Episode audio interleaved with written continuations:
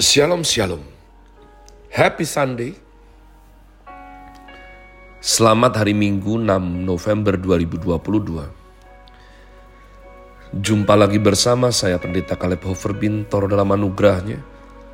Penuh sukacita sampaikan pesan Tuhan melalui Grace Word yakni suatu program renungan harian yang disusun dengan disiplin. Kami doakan dengan setia supaya makin dalam kita beroleh pengertian mengenai iman, pengharapan, dan kasih yang terkandung dalam Kristus Yesus. Sungguh besar kerinduan saya bagi saudara sekalian, agar supaya kasih dan kuasa firman Tuhan setiap hari tidak pernah berhenti menjamah hati, menggarap pola pikir, dan paling penting, hidup kita terbukti berubah menuju Christ likeness. Dalam season winter dengan tema bulan ini Glorify the King through the family. Chris Word hari ini saya berikan judul penasihat. Penasihat. Roma 13 ayat yang pertama. Sebagai fondasi saya berbagi pesan Tuhan hari ini. Tiap-tiap orang harus takluk kepada pemerintah yang di atasnya.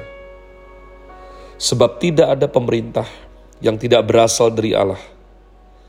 Dan pemerintah-pemerintah yang ada ditetapkan oleh Allah. Saya ingat sekali pada waktu saya pertama kali membaca ayat ini. Rasanya tidak terima sekali. Sejarah mencatat berulang-ulang bagaimana banyaknya penguasa tirani ya megalomania yang haus darah, betul-betul minum darah, mencurahkan darah orang banyak untuk mati. Dan saya baca ayat ini. Nah umat Tuhan yang harus kita fahami bahwa yang dari Tuhan itu yang baik. Bagaimana nanti aplikasi di lapangan itu adalah menuntut tanggung jawab manusia Sebab Tuhan adalah Tuhan yang mempunyai rancangan bukan kecelakaan. Oleh karenanya setiap bayi itu lahir, ya, tidak diajar untuk membenci. Sehingga kalau bayi penuh kebencian bertumbuh menjadi anak kecil, remaja, itu pasti dikarenakan bukan daripada Tuhan membekali hatinya dengan penuh kebencian. Jadi dari sini saya tarik ada suatu jargon di ranah Jawa yang berbunyi lengser ke Prabon, madek pandito. Frase ini mempunyai arti hurufiah turun tahta dan menjadi counselor, penasehat. Saya ingat walaupun saya masih sangat muda, ya, kuliah waktu itu, Puji Tuhan sekarang pun juga masih sangat berjiwa muda, amin Tuhan ya. Jargon itu diucapkan beberapa kali oleh Pak Harto, presiden yang kedua dengan masa jabatan paling panjang. Menjelang akhir dari masa jabatannya setelah lebih dari 30 tahun, beliau menjabat sebagai Presiden Republik Indonesia. Ini diucapkan mungkin juga karena ia telah tidak bersemangat, kerasa sekali waktu itu setelah ditinggal oleh istri tercintanya yakni Ibu Tin.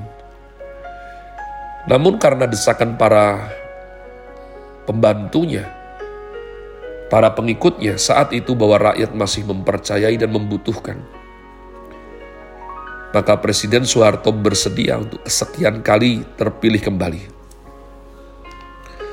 Pada akhirnya kita tahu akibat krisis moneter dan demo para mahasiswa. Maka beliau juga dipaksa lengser oleh para pembantunya itu. Ucapannya yang terkenal saat itu, ora dadi presiden, ora paten. Uh, paten itu adalah sejenis penyakit gatal di kulit umat Tuhan. Sehingga artinya tidak jadi presiden pun tidak berpengaruh apa-apa maka artinya Pak Harto rela lengser. Nah umat Tuhan, Beberapa waktu yang lalu muncul wacana yang agak mirip, yakni memperpanjang masa jabatan presiden yang saat ini seharusnya hanya dua kali lima tahun dan mau diperpanjang. Dan yang mengusulkan seorang menteri dan beberapa ketua partai pendukung. Walau situasi dan persoalan saat ini berbeda dengan saat Presiden Soeharto, namun tetap perlu kita cermati, kritisi, selidiki, dan pelajari Apakah memperpanjang masa jabatan itu perlu dan mendesak? Dan puji Tuhan kita mempunyai presiden yang saat ini saya lihat ada hikmat Tuhan atas beliau. Sehingga sempat wacana itu membuat geger, ya. Dan beliau mengatasinya dengan baik menurut saya. Karena itu bukan cetusan daripada kehendak beliaunya sendiri. Nah, kecenderungan khawatir nanti tidak ada kesinambungan dengan kinerja yang telah direncanakan secara jangka panjang, dan kurang percaya bahwa penggantinya akan bisa sebagus saat telah memunculkan wacana perpanjangan. Pertanyaannya, sampai kapan? Bukankah memang setiap estafet kepemimpinan selalu dirasa penggantinya kurang siap? Jarang sekali dalam sejarah itu rakyat puas, kita puas. Waduh, ini penerusnya lebih hebat daripada pendahulunya. Pernah terjadi tentunya, pernah terjadi, ya, tapi langka sekali. Lalu disahkan budaya atau diciptakan suatu sistem bahwa pemimpin yang digantikan dapat berperan sebagai penasehat dan bukan sebagai oposan sehingga setiap kali ganti presiden tidak perlu ganti perencanaan drastis. Bukankah juga bisa disiapkan jauh hari? Pengkaderan atau mentoring sebagai pemimpin pengganti yang seirama. Umat Tuhan semua yang saya ucapkan ini rasanya ideal dan gampang ya untuk dikatakan. Tapi ketahuilah betul-betul susah sekali dikerjakan umat Tuhan. Susah sekali. Pada waktu Basuki Cahaya Purnama beserta wakilnya ya itu DKI saya merasakan perbedaan yang sungguh-sungguh.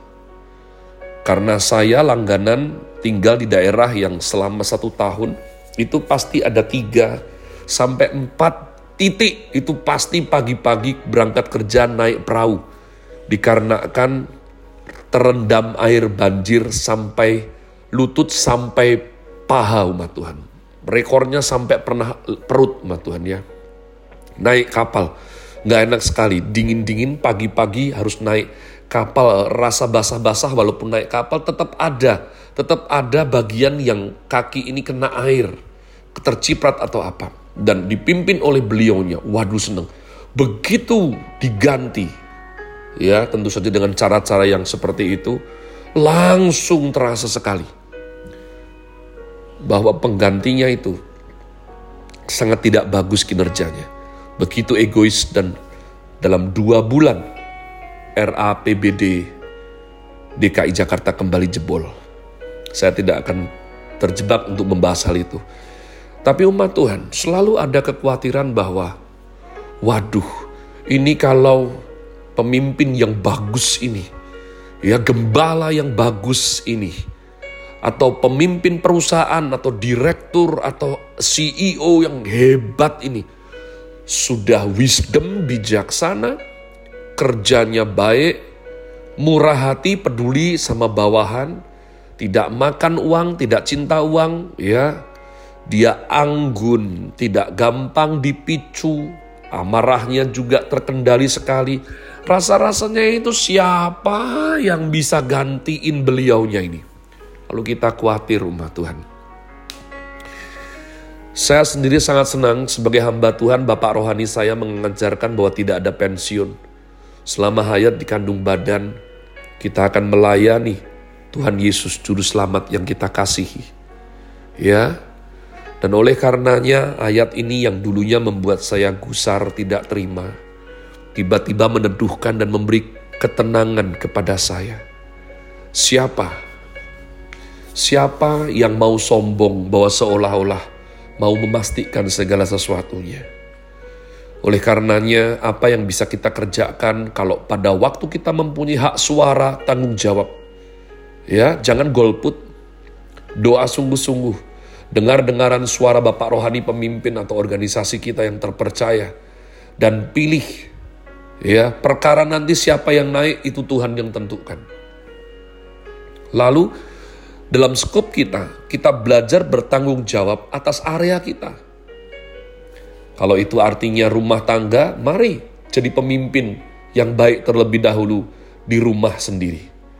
Kalau artinya kita sudah dipercayai lebih masuk ranah pelayanan, menjadi Pak RT, menjadi warga yang dipandang di lingkungannya, atau kita kebetulan suatu pemimpin di perusahaan yang besar, bertanggung jawablah berbijaksanalah. Jangan berusaha mengubah sesuatu yang di luar kewenanganmu. Itu sungguh sangat menyulitkan dan meletihkan hati kita. Ya. Dan ini membuat lega bahwa Tuhan aku hambamu. Pakai aku semaksimal mungkin.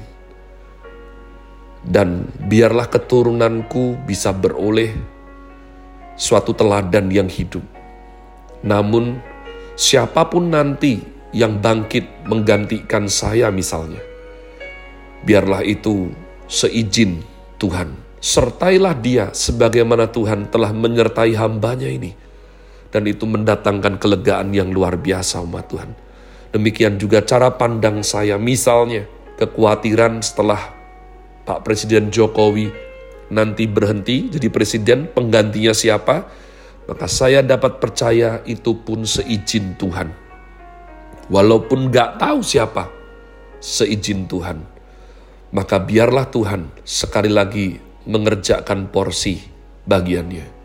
Dan kita juga bertanggung jawab atas tanggung jawab yang telah Tuhan percayakan di ranah kehidupan kita masing-masing. Sekali lagi happy Sunday, Tuhan Yesus memberkati saudara sekalian. Sola. Grazie.